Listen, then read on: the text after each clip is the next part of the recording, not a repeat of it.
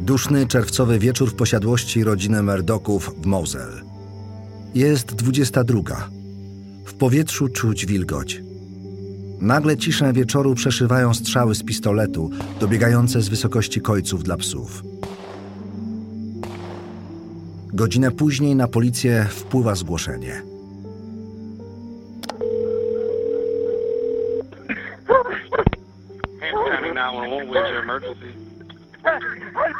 This is Alex Murdoch at 4147 Moselle Road.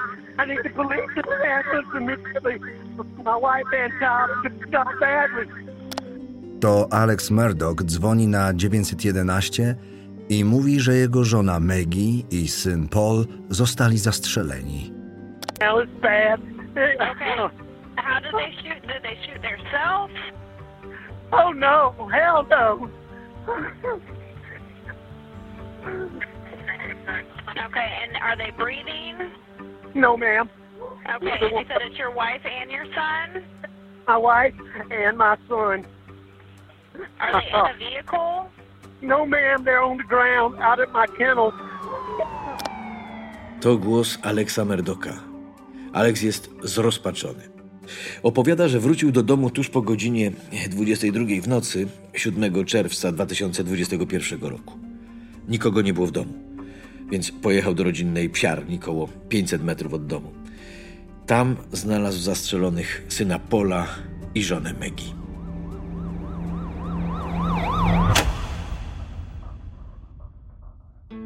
Posłuchajcie drugiej części dokumentu od Naudio Morderstwa Merdoków o ciemnych stronach wpływowej prawniczej rodziny i tajemniczych morderstwach, które wstrząsnęły Karoliną Południową. Nazywam się Krzysztof Czeczot. Oto druga część tej opowieści.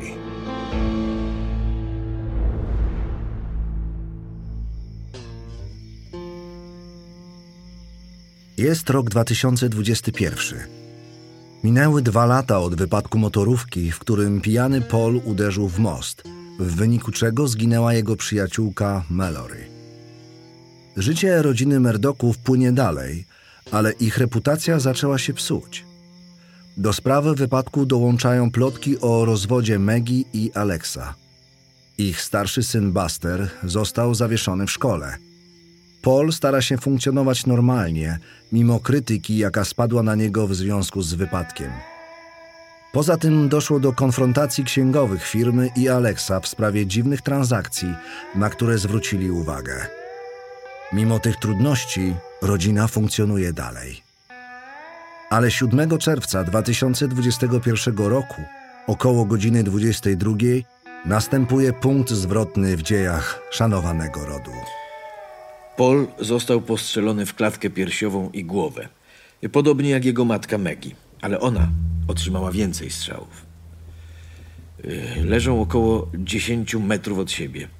Paul na brzuchu, w progu tak zwanego fidrum, no czyli pomieszczenia na karmy dla psów. Maggie leży na trawie. Oboje martwi, zastrzeleni. Alex rozmawia z policją, która jest już w drodze do posiadłości Merdoka. Policja przyjeżdża do posiadłości w Mosel po około 15 minutach. Posiadłość znajduje się około dwóch kilometrów od miasteczka Hampton. Za bramą wjazdową szeroka żwirowa droga prowadzi do dużego białego domu. Kilkaset metrów dalej jest psiarnia, a w niej kilkanaście psów. Tam właśnie leżą zastrzeleni Maggie i Paul. Policja rusza na ratunek. Widzą Aleksa stojącego z telefonem, rozmawiającego z kimś. W oddali widać dwa ciała na ziemi. Paul leży twarzą do ziemi w progu pomieszczenia z karmą, postrzelony w klatkę i głowę. Kilka metrów dalej Maggie. Ma wiele ran postrzałowych w górnej części ciała i w głowie. Zaczyna padać deszcz, co jest problemem dla śledztwa, bo może zmyć ślady i DNA. W międzyczasie Alex zadzwonił do wielu osób, rodziny, współpracowników, przyjaciół, informując ich o zdarzeniu. Wszyscy oni zjeżdżają się teraz, żeby wesprzeć Merdoka. Zbiera się dużo ludzi, którzy przyjeżdżają akurat, gdy policja próbuje zbadać miejsce zbrodni. No to oczywiście utrudnia wszystko, tak? Trzeba było odgrodzić i zabezpieczyć dom, żeby nikt nie wszedł. No ale ludzie ciągle przybywają. Do tego wszędzie jest pełno broni, która mogła być użyta lub skradziona. Wkrótce po przybyciu policji przeprowadzono pierwsze przesłuchanie Alexa w radiowozie. I hate to have to do this. I understand. yeah, I totally yeah, understand. yeah. So you don't you don't have any problem Yeah. with it. So, um, just start the top, take your time. Um, like when I came back here, I mean, I pulled up and I could see him, and you know, I knew something was bad. I ran out. I knew it was really bad. My my boy over there, I could see it was Alex jest bardzo poruszony, ale po chwili kontynuuje i opowiada to samo, co w telefonie na 911. Jest pewien interesujący szczegół w jego relacji. Ciekawe, że już w rozmowie z policją w radiowozie i w połączeniu telefonicznym Alex rzuca pomysł, co mogło stać się za morderstwami. Mówi, że jego syn Paul był szykanowany po wypadku motorówki, co oczywiście sugeruje, że morderstwa mogą mieć z tym związek. The only thing that what comes to my mind is my son Paul was in a boat wreck uh, a couple years ago, and there's been a, you know, he was charged with being uh, arrested for being the driver. There's been a lot of negative publicity about that, and there's been a lot of people online just really vile stuff. But when Paul's out and about, I mean, people routinely I don't think I know the full story, um, 'cause I don't think they give it to me. But I mean, he's been punched and hit and just attacked a lot. So, you know, but I mean, nothing like this. Czy zabójstwa miałyby mieć związek z wypadkiem i śmiercią Mallory? Podwójne morderstwo wstrząsa Karoliną Południową i całymi Stanami. But first, state law enforcement agents investigating a double murder in Colleton County. The coroner says 52 year old Margaret Murdoch and her 22 year old son Paul Murdoch were found dead last night. The Colleton County Sheriff's Office confirmed they were called out last night around 10 after receiving a 911 call that two people were dead. This has shaken the whole community. This home you see in the distance is owned by the Murdaugh family. The state law enforcement division tells us there is a double homicide investigation in the county Teraz usłyszycie głos Morgan, byłej dziewczyny Pola, która opowiada o jego śmierci w dokumencie dla Netflixa. I know I'm angry at Paul, but it hurt my heart to know that a human being was maliciously murdered. A mother and a son. It was just really hard for me to process. Policja oczywiście natychmiast rozpoczyna śledztwo w sprawie podwójnego morderstwa Pola i Maggie Murdochów. Opinia publiczna nie dostaje jednak za wiele informacji. Amerykańskie śledztwa toczone są pod ścisłą tajemnicą. Prawie nic nie przedostaje się na zewnątrz. Ale dzieje się coś, coś dziwnego, niemal dwa tygodnie po morderstwach. Policja otwiera zamknięte sześć lat temu śledztwo w sprawie śmierci Stevena Smitha. Tak, Steven Smith to bohater z pierwszego odcinka. Znaleziony martwy na drodze w nocy w 2015 roku, podobno miał romans z Busterem Murdochem, starszym bratem Pola. State police are reopening a six year old cold case. It's based on information found in the double murder investigation of a mother and son in Colleton County. Back in 2015, 19 year old Stephen Smith was found dead. While investigators called it a hit and run, Smith's family didn't believe that. Podobno w śledztwie w sprawie podwójnego morderstwa pojawiły się nowe informacje dające powód do otwarcia tamtego śledztwa.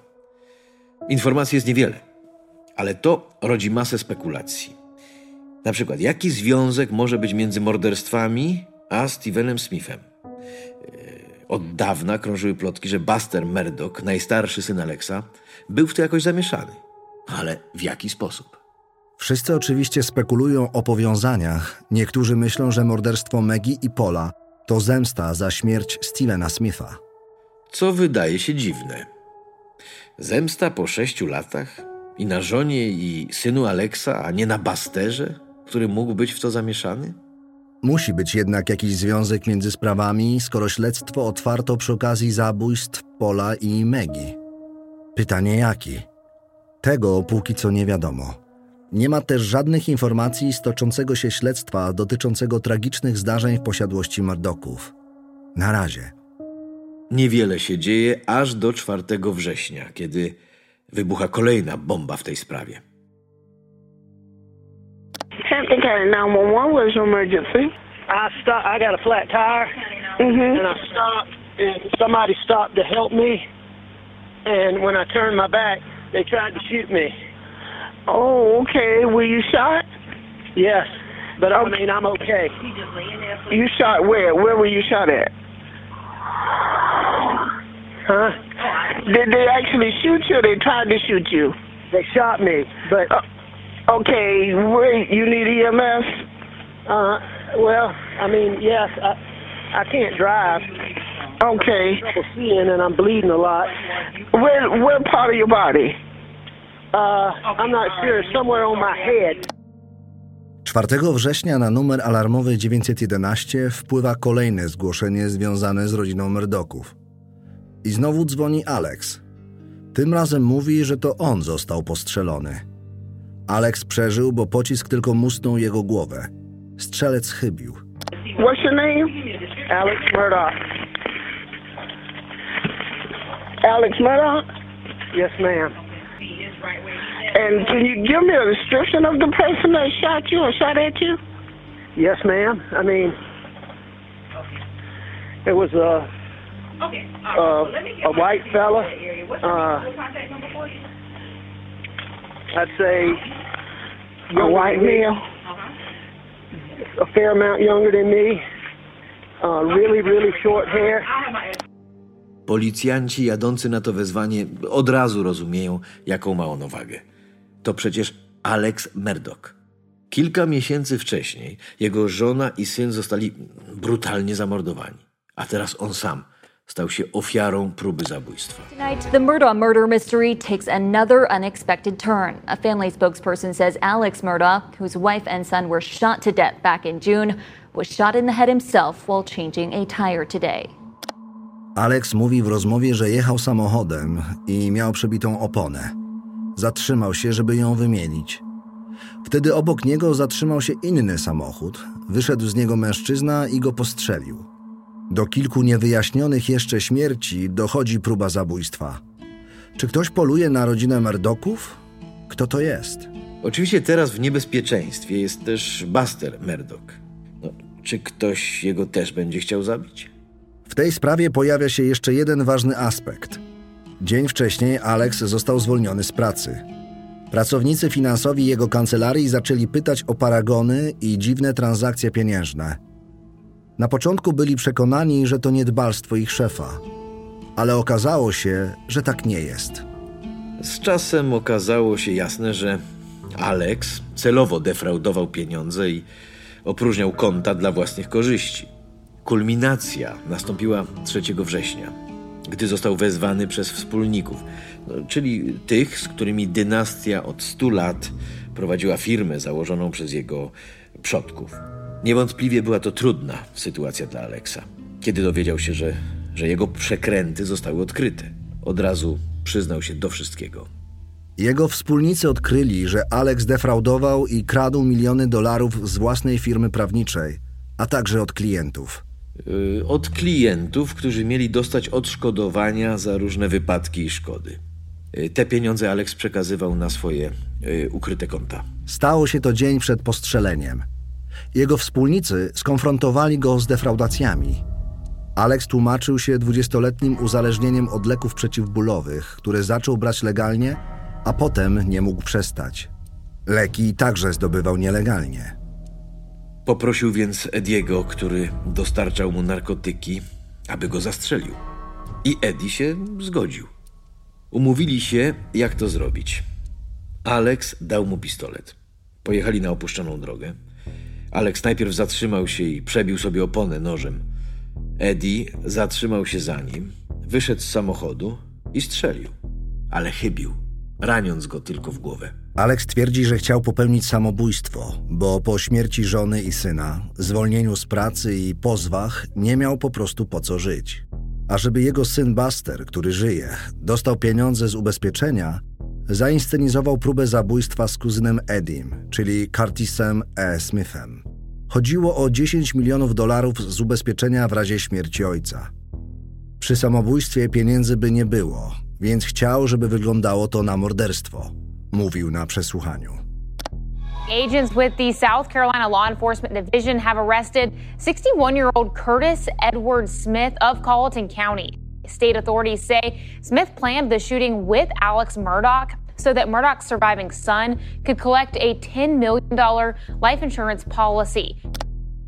Trudno zrozumieć, dlaczego Eddie miałby się na to zgodzić, ryzykując oskarżenie o morderstwo, za które w Karolinie Południowej grozi kara śmierci. Według Alexa nie chodziło o pieniądze. Nie zaoferował Ediemu zapłaty. To jest zagadka. Policja najpierw aresztowała i przesłuchała Ediego. On zaprzecza, że tak było i że w ogóle strzelał do Alexa. Owszem, spotkali się, ale nie po to. I mówi, że gdyby do niego strzelił z bliska, na pewno by nie żył. Posłuchajmy Ediego w programie telewizyjnym Today. If I'd shot him, he'd been dead.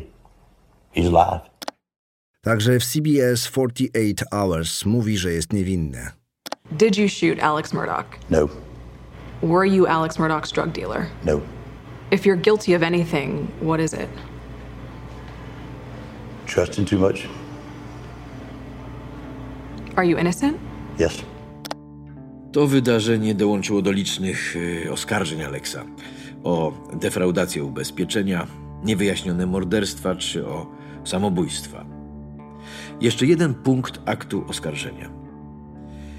Śledztwo objęło też y, oczywiście Ediego i ich handel narkotykami. Nagle było mnóstwo rzeczy do zbadania w sprawie Alexa. Wersja Ediego jest taka, że spotkał Alexa na drodze, a Alex próbował namówić go, żeby go zastrzelił. Eddie twierdzi, że absolutnie nie chciał tego zrobić. Zamiast tego, gdy próbował zabrać Aleksowi broń, by uchronić go przed samobójstwem, pistolet wystrzelił przypadkiem. Eddie mówi też, że pocisk w ogóle nie trafił Alexa. Jak słyszycie, nic się tu nie zgadza, a pytań ciągle przybywa.